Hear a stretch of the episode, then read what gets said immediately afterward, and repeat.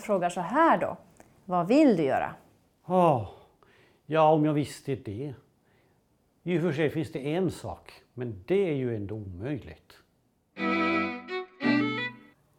Ibland hamnar vi som jobbar på Arbetsförmedlingen i samtal som kör fast, som inte leder vidare till någon förändring.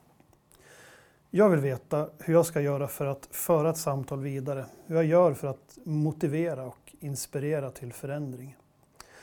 Därför ska jag prata med Annika Rasmusson som är socialkonsulent och certifierad coach här på Arbetsförmedlingen. Eh, hej Annika! Hej Lars! Det här med att motivera andra personer, det är någonting som du är van vid? Ja, jag möter ju människor i många olika situationer och oftast handlar det om att man är inne i en livssituation där man önskar en, en förändring men man kanske inte vet riktigt hur. Mm. Och man kanske inte heller eh, har drivkraften själv för att få den här förändringen utan, utan man behöver ett extra stöd, stöd i att navigera mot, mot ett mål. Mm. I vilka typer av situationer, vilken typ av möten brukar du använda inspirerande, motiverande samtal? Ja, dels när jag möter personer som jag upplever har en, en låg energi. Alltså på något vis saknar den egna drivkraften. Det kan också handla om eh, personer som jag träffar som, som enbart radar upp hinder och inte kan se några möjligheter överhuvudtaget. Mm. Eller som har fokuserat på en lösning och det är den lösningen som gäller och, och man kan inte se, det, se någonting annat bakom det. Just det. Eh, men sen är det ju också de här personerna som inte har någon egen eller tydlig målbild utan ofta säger att, att andra tycker att jag ska. Mm.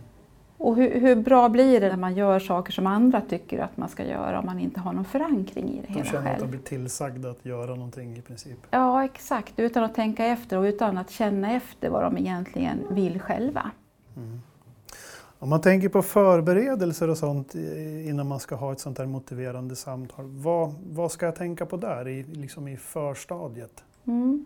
Jag har jobbat ganska många år genom att, att möta människor i olika typer av samtal. Så jag har skapat mig ett eget litet mantra, brukar jag kalla det för.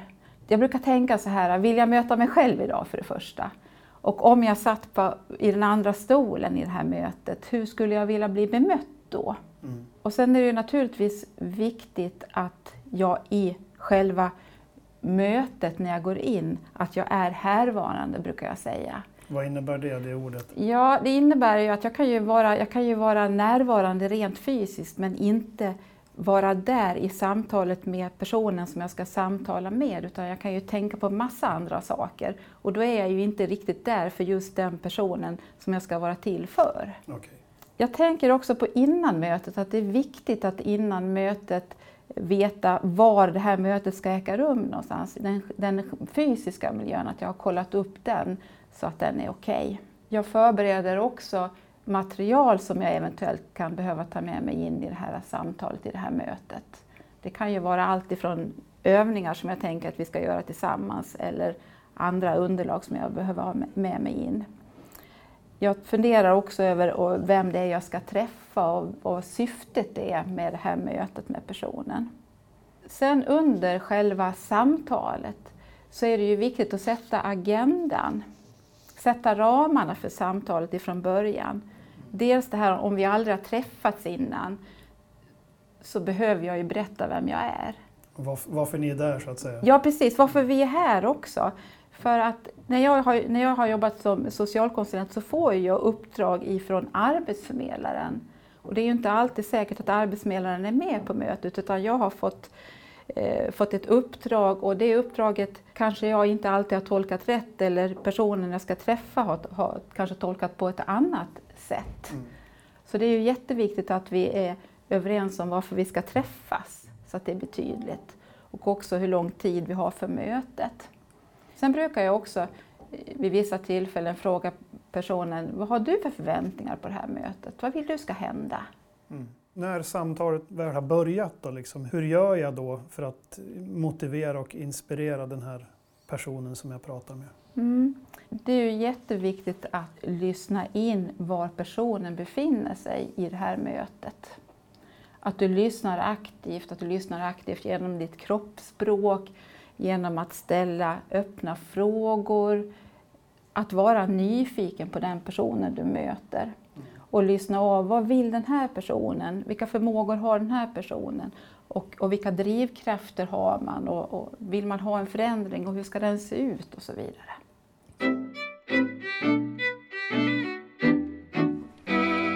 Hej, hur är läget? Jo tack, det är bra. Själv då? Jo tack, det är bra. Du, i förra samtalet vi hade så berättade du att du ville ha mera variation i ditt jobb och du ville nå mera utveckling. Hur har du tänkt kring det nya uppdraget som jag nämnde? Eh, Jo, eh, det känns som att det blir för mycket ansvar. Okej. Vad är det som gör att du känner så? Jag känner mig osäker. Har aldrig jobbat på det viset. Men vad behöver hända för att du ska känna dig mindre osäker och våga ta det steget? Okej, så då sitter jag och eh, jag genomför det här samtalet. Jag har förberett mig så som man ska och jag, jag tänker på de här sakerna som du har berättat här. Får jag någon gång liksom ett kvitto på att det här har fungerat? Att personen då verkligen har kommit vidare i, i en förändringsprocess eller vad det nu kan vara? Mm, du menar under själva samtalet? Mm. Ja.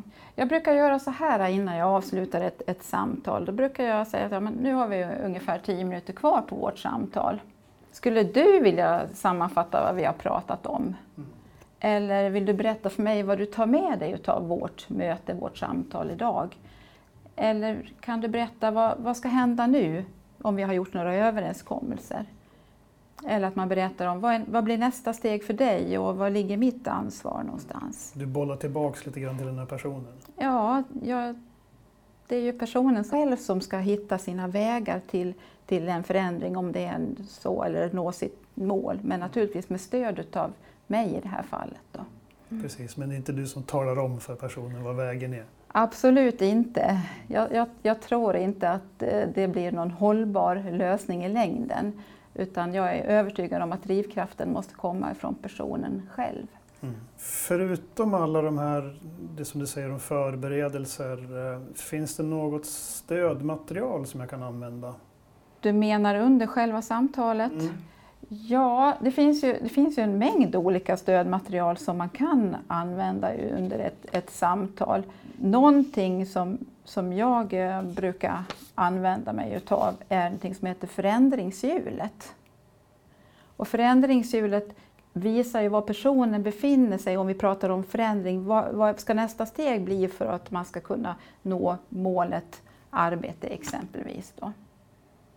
Sen när jag träffar personer som är lite ambivalenta inför att sätta sitt mål eller skapa en- förändring så brukar jag använda något som heter ambivalensslalom. Och vad är det för något? Ja, det kan man verkligen fråga sig. Man kan också kalla det för att man rullar med ett motstånd. Och där jag ritar upp en lite krokig linje som en slalombana ungefär. Och så jobbar vi med olika frågeställningar tillsammans. Och det är just det här med situationen nu. Vad är det goda med din situation just nu? Vad är det mindre goda med din situation? Om du skulle förändra någonting, vad skulle du sakna? Vad skulle du förlora då? Och så jobbar vi tillsammans på det viset. Är det personer som har det oerhört eh, mycket och rörigt omkring sig och inte själv kan sätta, sätta fingret på eh, vägen framåt, då kan man också använda det här livshjulet som man ritar upp i form av en cirkel och så delar man in livet i olika tårtbitar, det här med ekonomi och hälsa och boende med mera. Och så kan ju personen själv välja var man vill börja prata någonstans och berätta om hur är det här? Behöver jag någon stöttning i att komma vidare här? Hur ska det kunna se ut och så vidare. Just det. Precis, så det finns en hel del stödmaterial som jag kan använda här. Ehm, Jag tänker på en annan sak här, eh, Arbetsförmedlingens värdeord. Finns det någon koppling mellan dem och menar, hela det här förhållningssättet som du har pratat om hittills? Du menar professionell, inspirerande och förtroendeingivande? Precis. Ja. Eh, På något vis så känner jag ju att, att, att jag i varje möte så försöker jag ju leva de här värdeorden. Eh, jag tänker att jag, jag, ser alla människor som unika och lika värdefulla oavsett vilken bakgrund man har. Och jag försöker stötta personer att hitta sitt eget bästa sätt. Jag är övertygad om att kan man hitta sitt eget bästa sätt så blir det större hållbarhet i saker och ting som man vill, vill nå framöver. Och det gör jag ofta genom att eh, ställa många olika typer av frågor, vara nyfiken, reflektera över vad personen säger som jag möter. Det upplever jag skapar en förtroendefull relation där det också blir lättare för mig att på ett konstruktivt sätt konfrontera till eh, att nå sina mål. Mm. När du säger konfrontera, vad menar du då? Eh, man kan ju använda sig av kraftfulla frågor exempelvis eh, som gör att, att man kan ifrågasätta men på ett lite mer finessfullt sätt. Okej Annika, de här orden tar jag med mig från det här samtalet.